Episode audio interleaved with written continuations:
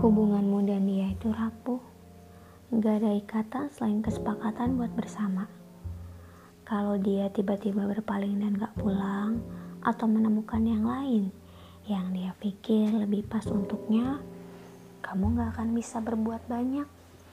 Paling ribut di media sosial, ngeluh kalau dia jahat.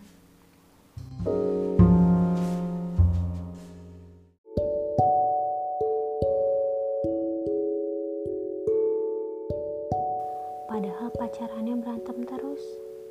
Udah gak nyaman lagi. Dia minta udahan, kamunya gak mau putus. Giliran dia berpaling, nyaman sama yang lain, milih buat jalan baru. Kamu bilang dia yang jahat.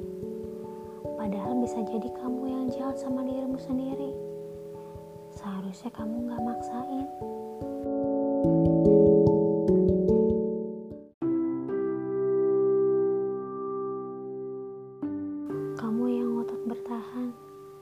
yang keras kepala bersama. Padahal dia udah lelah sama kamu. Dia udah menyerah sama dirimu. Tapi kamu terus usaha sendiri, maksain perasaanmu yang masih ada. Giliran dia udah cuek dan milih berpaling, kamu malah bilang ke semua orang dia jahat. Kamu yang jahat sama dia udah gak nyaman dan ingin selesai baik-baik, malah ngotot mempertahankan. Saat dia ingin usai dan berjalan di kehidupan masing-masing, malah maksa dia buat bertahan.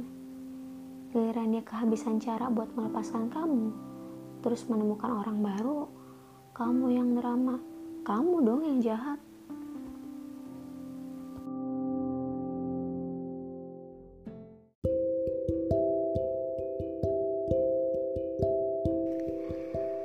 Bagi beberapa orang, pacaran cuma acara seleksi pasangan.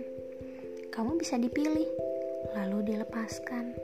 Bisa ditinggalkan tiba-tiba kalau dia merasa dapat yang lebih baik. Seperti kamu yang berhak menentukan yang terbaik untuk hidupmu, seharusnya dia juga. Hubungan yang tak diikat negara.